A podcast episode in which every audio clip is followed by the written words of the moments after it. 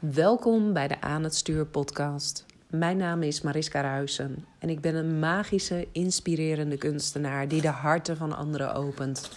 Ik help je met het managen van jouw ikken en leiderschap te nemen over je leven. Dat gaat verder dan alleen controle krijgen over negatieve en kritische stemmetjes in je hoofd, heb ik gemerkt. Leiderschap nemen betekent in contact staan met de diepste delen in jouzelf. Je archetypes herkennen is de eerste stap. Volledige vrijheid ontstaat bij het belichamen ervan. Pas als je volledig in je lichaam bent gezakt, kun je je opnieuw verbinden met jouw innerlijk kompas, want die weet altijd de weg. Ik wens je heel veel luisterplezier. Ja, fijn dat je weer luistert naar een nieuwe episode. En in deze episode wil ik het met je hebben over een heel belangrijk archetype.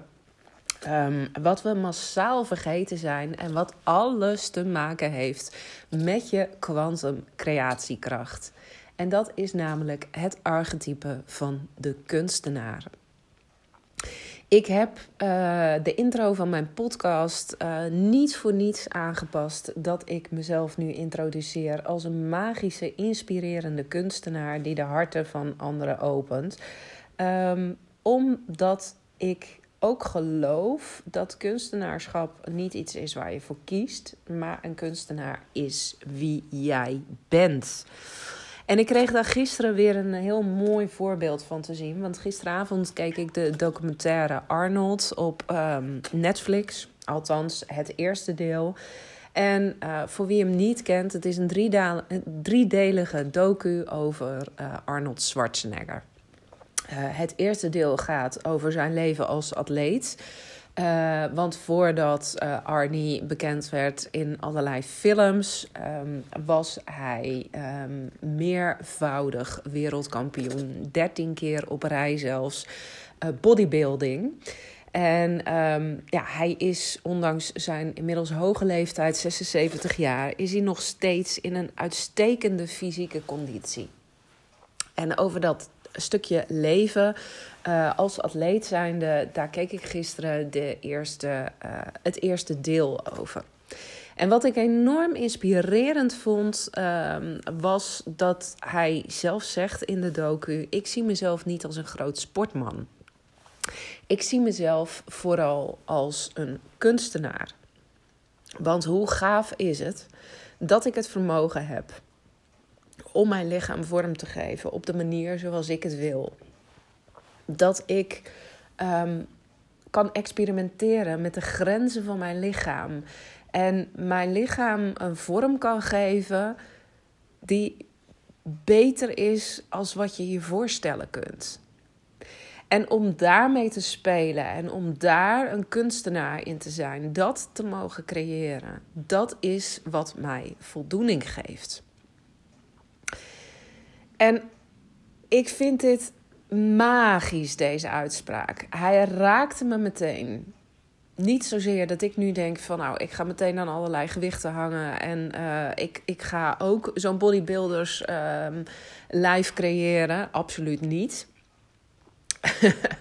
um, ik zou zeggen, kijk vooral naar de docu. En dan, dan zie je dat hij volgens mij ook echt wel problemen moet hebben gehad op een gegeven moment met het vinden van kleding. Omdat hij zo breed was. En ik vind dat zelf uh, bij vrouwen niet mooi als het zo heel overdreven is. Maar het feit um, dat hij zegt van, ja, weet je, ik was 17 toen ik voor het eerst um, de film Hercules zag. En ik zag de hoofdrolspeler daarin. En ik zag dat hij over bijna bovenmenselijke krachten beschikte. En ik zag hoe gespierd hij was.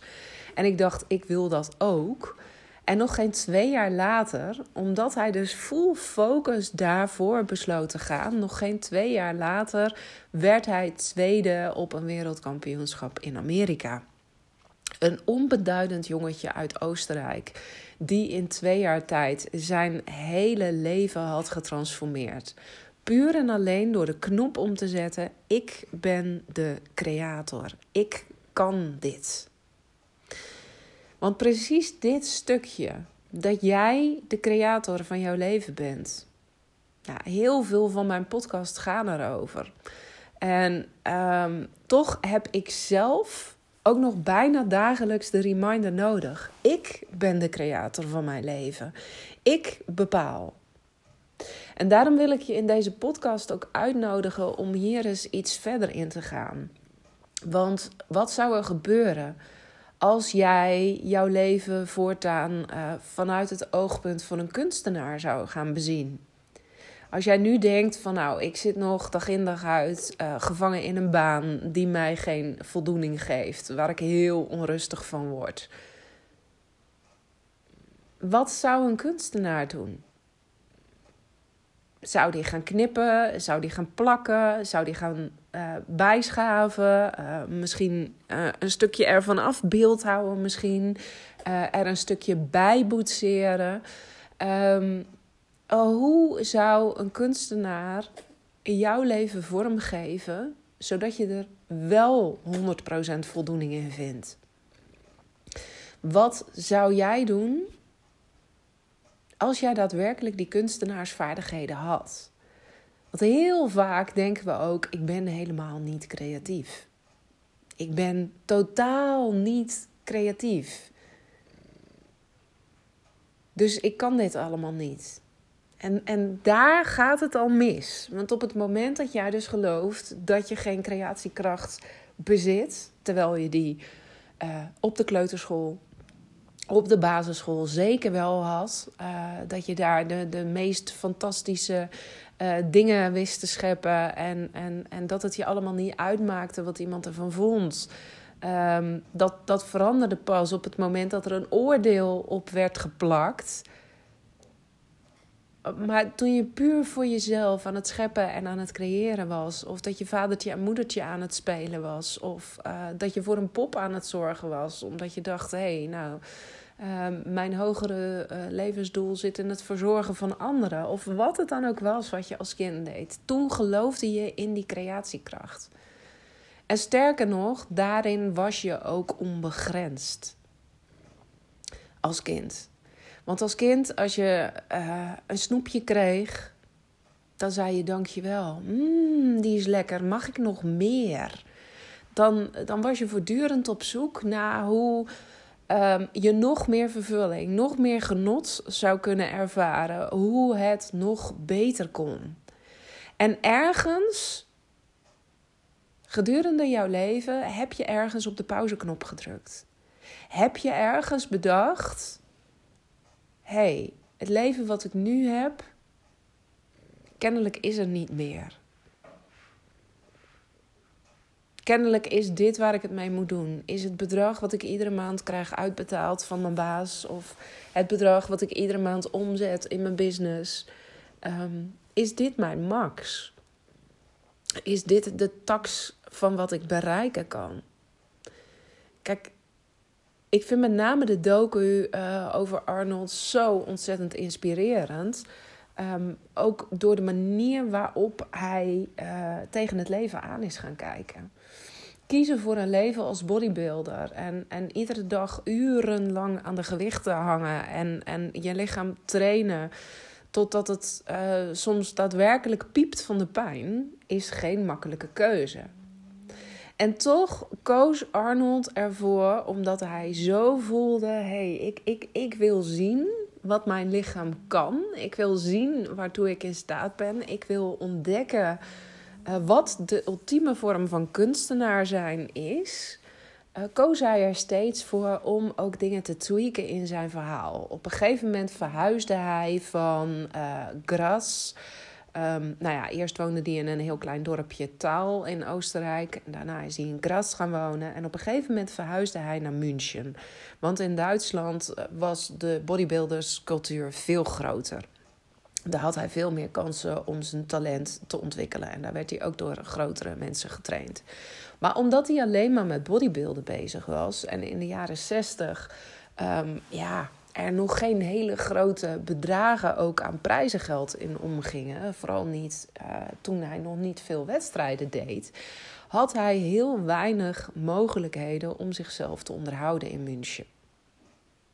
Dus kreeg hij een klein achterafkamertje in um, uh, de sportschool waar hij trainde en daar woonde hij. Hij zei: Het was precies groot genoeg voor een eenpersoons matras, een blender waarin ik mijn eiwitshakes bereiden kon. En dat was het eigenlijk wel. En de kleren die ik door de dag heen nodig had. Meer zat er niet in dat kamertje. En dan zou je kunnen denken van, nou ja, weet je, de gemiddelde mens die wordt daar dood en dood ongelukkig van. En hij zei, ik prees me zo gelukkig. Want het betekende dat doordat ik daar woonde, ik elk moment van de dag dat ik de prikkel voelde om die kunstenaar in mezelf te zijn, om, om aan mezelf te werken, dat ik die benutten kon. Mega inspirerend dit. Want wat doet de gemiddelde mens? Die kijkt alleen vooral naar, hmm, ja, als ik me dag in dag uit kapot aan het trainen ben, dan heb ik wel wat comfort verdiend. En dan wil ik wel wat meer dan een eenpersoonsmatras en, en een blender. Als dat alles is wat ik bezit, nou, dan weet ik het zo net nog niet hoor. En Arnold die draaide dat allemaal om, omdat hij ergens op een bepaald punt in zijn leven besloten had dat hij een kunstenaar wilde zijn, dat hij een creator wilde zijn van zijn leven. En ik wil je in deze podcast dan ook echt uitnodigen om gewoon eens stil te staan bij de vraag: als ik echt zou kiezen voor een kunstenaarsleven. En ja, het is aan jou of dat het gemiddelde kunstenaarsleven is. Uh, een kunstenaar die zich nauwelijks bedruipen kan, die uit pure waan, uh, hoop op een gegeven moment zijn oor afsnijdt. Of dat jij zegt, nou, ik, ik wil gewoon uh, een moderne kunstenaar zijn die miljoenen verdient. Um, maar, maar even los van het geld zonder dat je stil hoeft te staan bij de randvoorwaarden van wat het betekent om een kunstenaar te zijn, denk ik dat het vooral heel erg belangrijk is dat je jezelf eens de vraag gaat stellen: wie ben ik? Hoe voel ik mij? Wat, wat, wat ervaar ik? Als ik iedere dag in mag tappen op mijn creatiekracht. Als ik iedere dag scheppend bezig mag zijn wat verandert er dan in mij? Als ik iedere dag een bijdrage zou kunnen leveren waarin, waar iemand anders iets aan heeft, of waardoor mijn leven, mijn lichaam, uh, mijn gezondheid, mijn gestel beter wordt, wat doet dat dan met mij? In plaats van dat je dus dat, uh, die, die overconsumerende um, uh, persoon bent geworden die denkt: hé, hey, ik heb eerst nog dit nodig, ik heb eerst nog dat nodig, uh, hier kan nog wel een beetje bij, daar doen we nog een beetje voor. Wil ik hem omdraaien? Wie zou je zijn als je geen output van buiten meer nodig hebt? En vooral besluit om zelf de creator van jouw leven te zijn. Deze vraag die staat wel echt centraal ook in het boek wat ik pas geschreven heb, Alice in Quantumland. Dit is een vraag die steeds opnieuw weer terugkomt. Want in haar wondere tocht door Wonderland, uh, die Alice aflegt, um, ja, komt ze steeds uh, opnieuw weer eigenlijk terug bij de vraag van nou, hoe komt het dat er zoveel absurde situaties in de wereld zijn ontstaan? Hoe komt het um, dat er zoveel misstanden zijn? En hoe komt het dat de mens ook een soort slavenprogrammering lijkt te hebben en dus maar opvolgt wat anderen tegen hun zeggen dat ze moeten doen, in plaats van dat ze zelf de creator van hun leven zijn? Nou, dat begint erbij dat je jezelf dus de toestemming mag geven om die kunstenaar te zijn. En om te erkennen, als ik alles kan creëren wat ik wil. Als alles wat in mijn gedachten naar boven komt, waar ik naar verlang, alleen maar een seintje is dat het op een andere tijdlijn reeds bestaat. En dat het dus voor het grijpen ligt. Wat heb ik dan te doen? Wie heb ik dan te zijn om gebruik te maken van die enorme kunstenaar in mij? Wat laat ik dan nu nog liggen? Iedere dag. Ik kan deze podcast heel lang gaan maken, maar dit, dit is wel de essentie die ik je mee wil geven vandaag. En als je daar meer over wil weten, als je meer meegenomen wil worden hierin, meer diepgang, meer achtergronden, meer praktische opdrachten ook van hoe pas je dat dan toe in jouw leven, dan wil ik je heel, heel, heel erg uitnodigen om een pre-order van mijn boek te doen.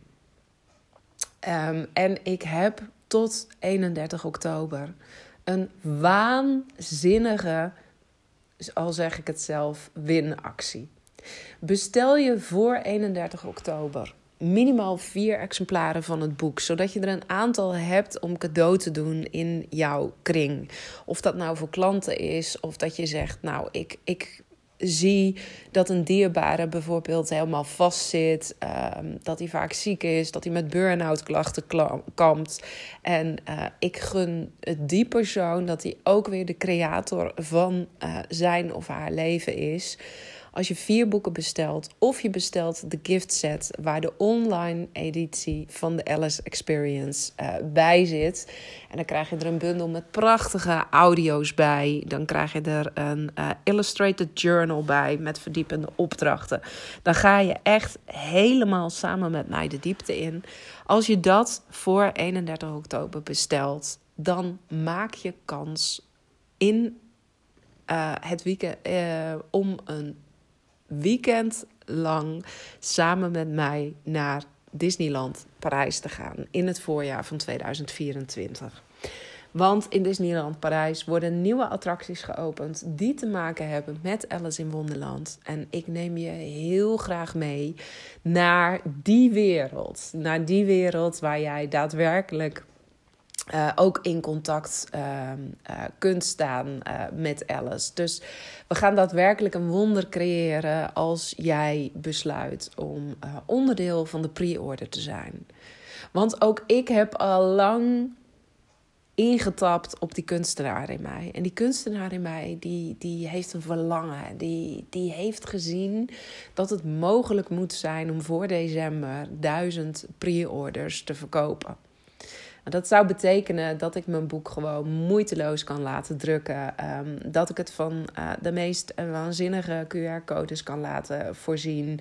Uh, en dat er achter die QR-codes ook nog allerlei uh, opdrachten en um, hypnoses, insightgevende oefeningen zitten. Dus, dus dat het hele boek aan zich een experience uh, wordt. En, en dat is natuurlijk echt iets wat een kunstenaar doet. Maar om, dat, om die visie waarheid te kunnen laten worden, duizend pre-orders van een boek, en wil ik jou dus uitnodigen als jij aangaat van deze podcast. Als je denkt, oh shit, ja, ik, ik heb nog veel meer die kunstenaar in mijn leven te zijn die mag ik nog veel meer toelaten.